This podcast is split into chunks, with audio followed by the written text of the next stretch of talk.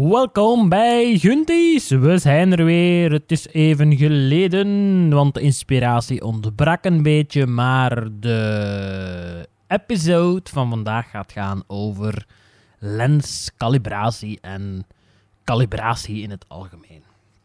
Dus ik heb mijn fototoestel, de D850, na twee maanden, twee maanden en een half terug mogen ontvangen van Nikon. Dus de D850 was tegen de vlakte gegaan op een Manfrotto statief, gecombineerd met een 70-200 erop. En de body zelf was helemaal, helemaal rond de ring volledig gebarsten. Binnengedaan naar ProCirap in Zaventem. En daar al onmiddellijk de vraag gesteld van, ja, is het per totaal of uh, komt het nog wel goed? Ja, zegt hem, zolang de spiegel niet geraakt is, kunnen we dat wel maken. Dus camera binnengedaan, uh, bestek ontvangen, 1605 of 1609 euro. Uh, om te laten maken, zowel de lens als de body. Nu, eerlijk is eerlijk, de camera, een nieuwe camera heb je niet voor dat bedrag. En de lens, wat de lens betreft, ja, ik heb daarna nog op mijn backup toestel de D800 geshoot en dat ging perfect enkel aan de bajonet, dus de ring waarmee je hem vastschroeft op je fototoestel. Die was lichtjes gedeukt, maar mits een klein beetje kracht te zetten kreeg ik de lens er gewoon op. En die werkte nog perfect, scherpte was nog in orde en al. Wat blijkt nu achteraf na het bestek, dat uh, ja, blijkbaar was er toch net iets meer defect volgens het bestek. Uh, en de lens, de herstelling van de lens kostte bijna zoveel als de herstelling van het toestel. Maar in totaal dus een 1600 euro. Allemaal gewoon wel dat laten maken, maar dan met de coronatoestanden momenteel vertraging. Want ik denk dat die onderdelen van Frankrijk komen. Dus ja, een hoop miserie.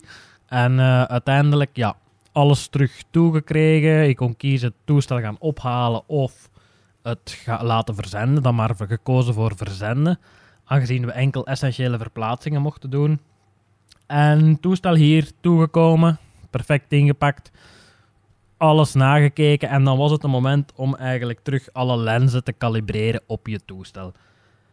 Nu, waarom kalibreer je je lens op je toestel? Wel heel simpel. Soms als je shoot op bepaalde diafragmagetallen, bijvoorbeeld 2.8, 1.4, heb je onscherpte. Soms ligt de scherpte verder dan het scherpstelpunt waarop je hebt scherp gesteld, of ligt het voor het scherpstelpunt? We spreken over backfocus um, als het erachter ligt en frontfocus als het ervoor ligt. Nu, je kan dat incompenseren in de meeste toestellen. Niet de budgettoestellen, maar toch al wel de iets geavanceerdere toestellen. En daar kan je zeggen, je mag een afwijking hebben van x aantal punten en dan ga je manueel je toestel bijsturen en zeggen van zoveel moet je meer naar voren of zoveel moet je meer naar achter. De basismanier dat dat gedaan kan worden is heel simpel. Je kan een lat in een hoek van 45 graden naast een loodrechte hoek van 90 graden plaatsen. Je stelt scherp op het middenpunt, waar eigenlijk de kruising gebeurt tussen je achterwand en de lat. En dan ga je zien op de computer hoeveel omhoog of om, omlaag je moet gaan. Bij Nikon kan je die menu terugvinden in uh, de sleutel en dan AF fijnafstelling. Bij de Canons heb ik absoluut geen idee waar je het kan vinden, maar het kan. Dat is de manuele manier om je lens bij te sturen. Er is ook een softwarematige manier waarbij je eigenlijk het, de software alles zelf doet.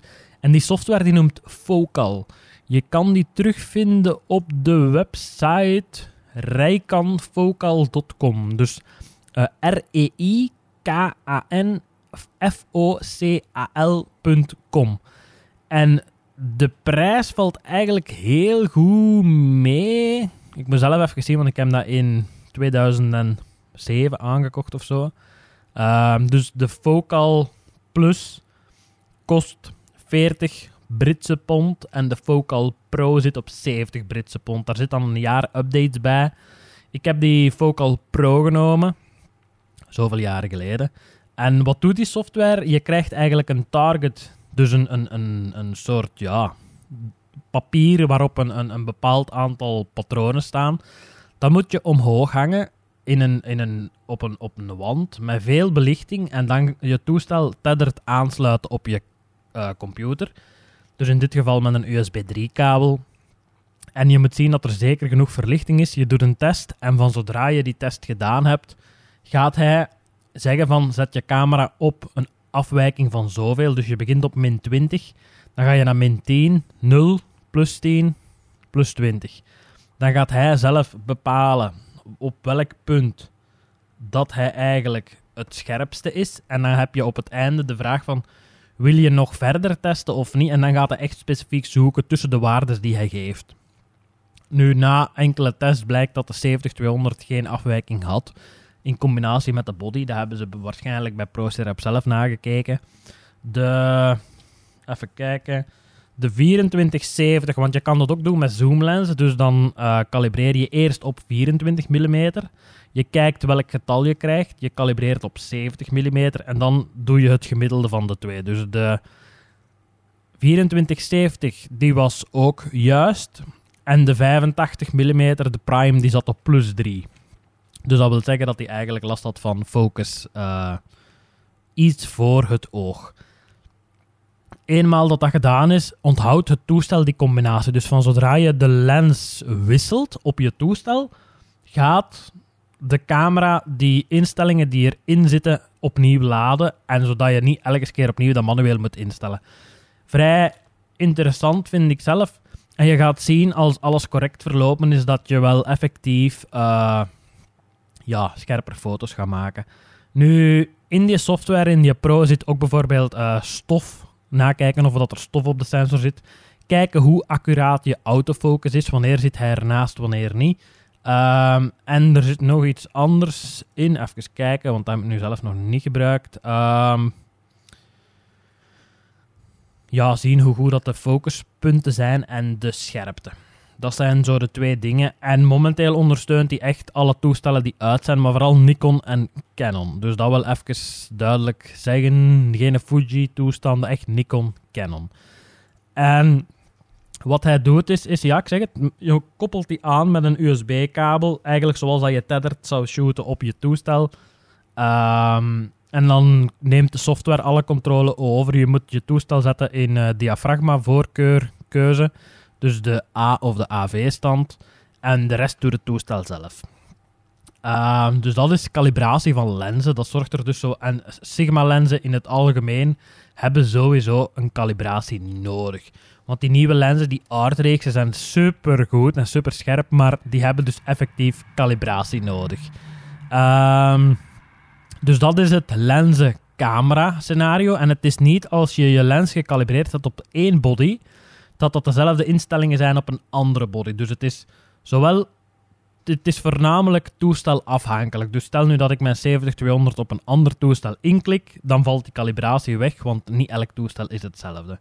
En er zijn afwijkingen tot min 20, plus 20. Maar meestal als je in die range zit, dan uh, is het wel eens tijd om je lens binnen te doen en laten na te kijken. Um, hou er rekening mee, het is een vrij omslachtig werkje, een heel saai werkje.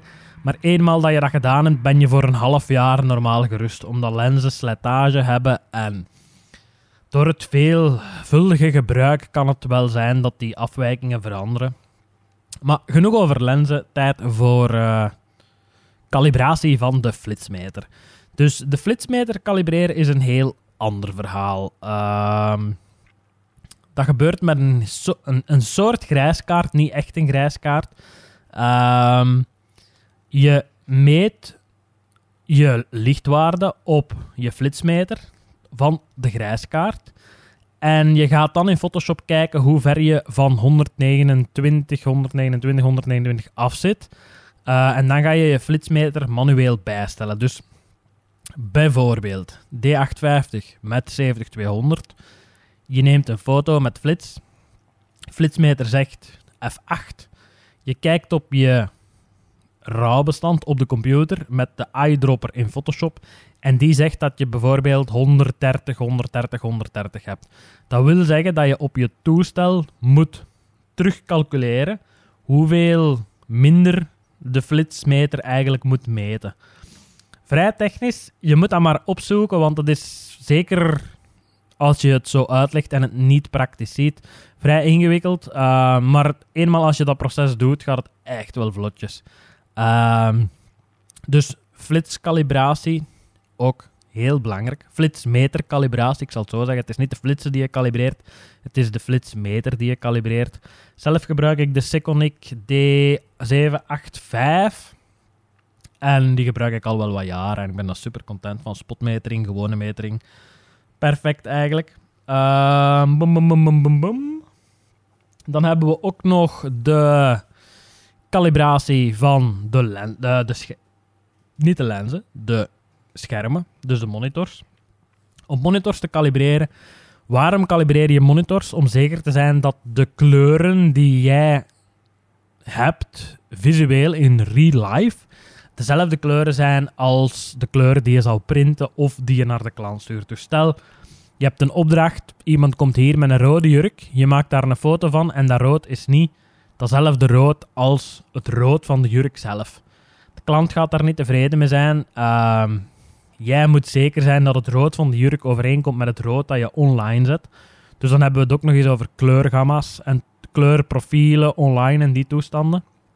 Um, dus calibratie van een scherm gebeurt vrij eenvoudig. Je schaft jezelf een uh, Color Monkey aan of een uh, Spider van Datacolor. Dat zijn de twee grootste. En dat zijn toestelletjes geplaatst die op je scherm en die meten dan eigenlijk heel het spectrum van de kleuren. En die stellen zelf een profiel in welke Windows standaard gaat laden van zodra je je computer opzet. Um, de kunst is natuurlijk op je 2, 3, 4 monitors dezelfde kleuren te hebben. Dat is de druk. Dat werkt enkel of bijna enkel als je een uh, grafische kaart hebt met meerdere uitgangen, maar ook met schermen van dezelfde producent. Ik zelf heb hier momenteel uh, ja, vijf schermen voor mij. Um, ja, eerlijk is eerlijk, die zijn niet alle vijf gekalibreerd. Die zijn wel gekalibreerd, maar dat zijn niet allemaal dezelfde kleur. Dus dan wordt het heel tricky. Uh, de Quadro-reeks die kan per uitgang een aparte calibratie uitsturen. Ik heb gewoon een Nvidia-kaart steken, een GeForce GTX 1050 Ti. Um, ja, die stuurt een calibratie uit. En voor mijzelf is die calibratie goed als ik dat vergelijk met het printen. Maar dat zijn twee monitors die ik gebruik. En de linker monitor die staat in portretmodus, dus die is geflipt. Um, dat is vooral voor tekst te lezen. En dan hebben we in de studio nog twee televisies waarop het model rechtstreeks bij het shooten, het tetter shooten kan volgen. Um, ja, welke houding en de belichting en al die toestanden. Die zijn niet gecalibreerd omdat dat twee televisies zijn. Dat ligt iets complexer. En dat is ook niet nodig om te zien hoe je op de foto staat. Ik ga altijd verder op de monitor die recht voor mij hangt. Daar ben ik zeker van dat die juist gecalibreerd is. Um, dus calibratie van de monitors. Vrij eenvoudig. Je monitor moet een half uur, een uur opgestaan hebben. Dat die warm heeft, dat de kleuren in orde zijn. Je plaatst dat toestel op je scherm. Je zegt start, die software loopt. Je doet niks ondertussen. De calibratie is gedaan en je krijgt een resultaat. Die calibratie wordt geladen. Klaar. Vrij eenvoudig. Toestelletje kost 100, 150 euro, afhankelijk hoe geavanceerd je wil gaan. Um, dan kan je ook nog de printer kalibreren. Ik moet zelf zeggen, ik heb hier een Canon Pro 1000 staan. Tot en met A2 dat je kan printen. En ik heb daar geen calibratie op gedaan. En de foto's die uit de printer komen, komen perfect overeen met de foto's die ik op mijn scherm heb. Het enige probleem is soms dat ik ze iets lichter moet trekken, maar voor de rest is dat een perfecte kopie. Dus dat is een beetje wat calibratie betreft. Dus klinkt allemaal heel veel, maar er is niks zo plezant als werken in een omgeving die volledig gecalibreerd is, omdat je dan de perfecte controle hebt over al je waarden. Nu, Nogmaals, uh, kalibreer vooral je schermen. Begin daarmee. Ga dan verder naar je lenzen. En als je je lenzen gedaan hebt, dan pas de printer.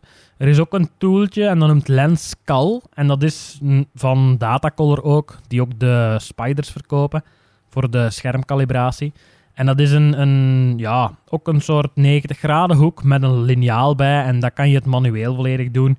Ik zelf verkies toch wel de automatische manier, omdat het veel minder uh, gesukkel is. En ja, op grotere diafragma's, dus f1.4, 2.8, zie je eigenlijk niet meer wanneer dat iets scherp is of onscherp is. Dus ja, kalibreren, doe het. Dat is het enige dat ik kan zeggen. Ehm, ik heb daar zelf nog absoluut geen spijt van gehad. Nu, ik zeg het, het zijn saaie processen, maar je fotografie gaat wel omhoog gaan als je echt last hebt van onscherpte of, of kleuren die niet kloppen. Bijvoorbeeld, je maakt een foto van een huid, je wil echt dat die foto goudkleurig is. Je zet die online en je krijgt, uh, ja, oranje.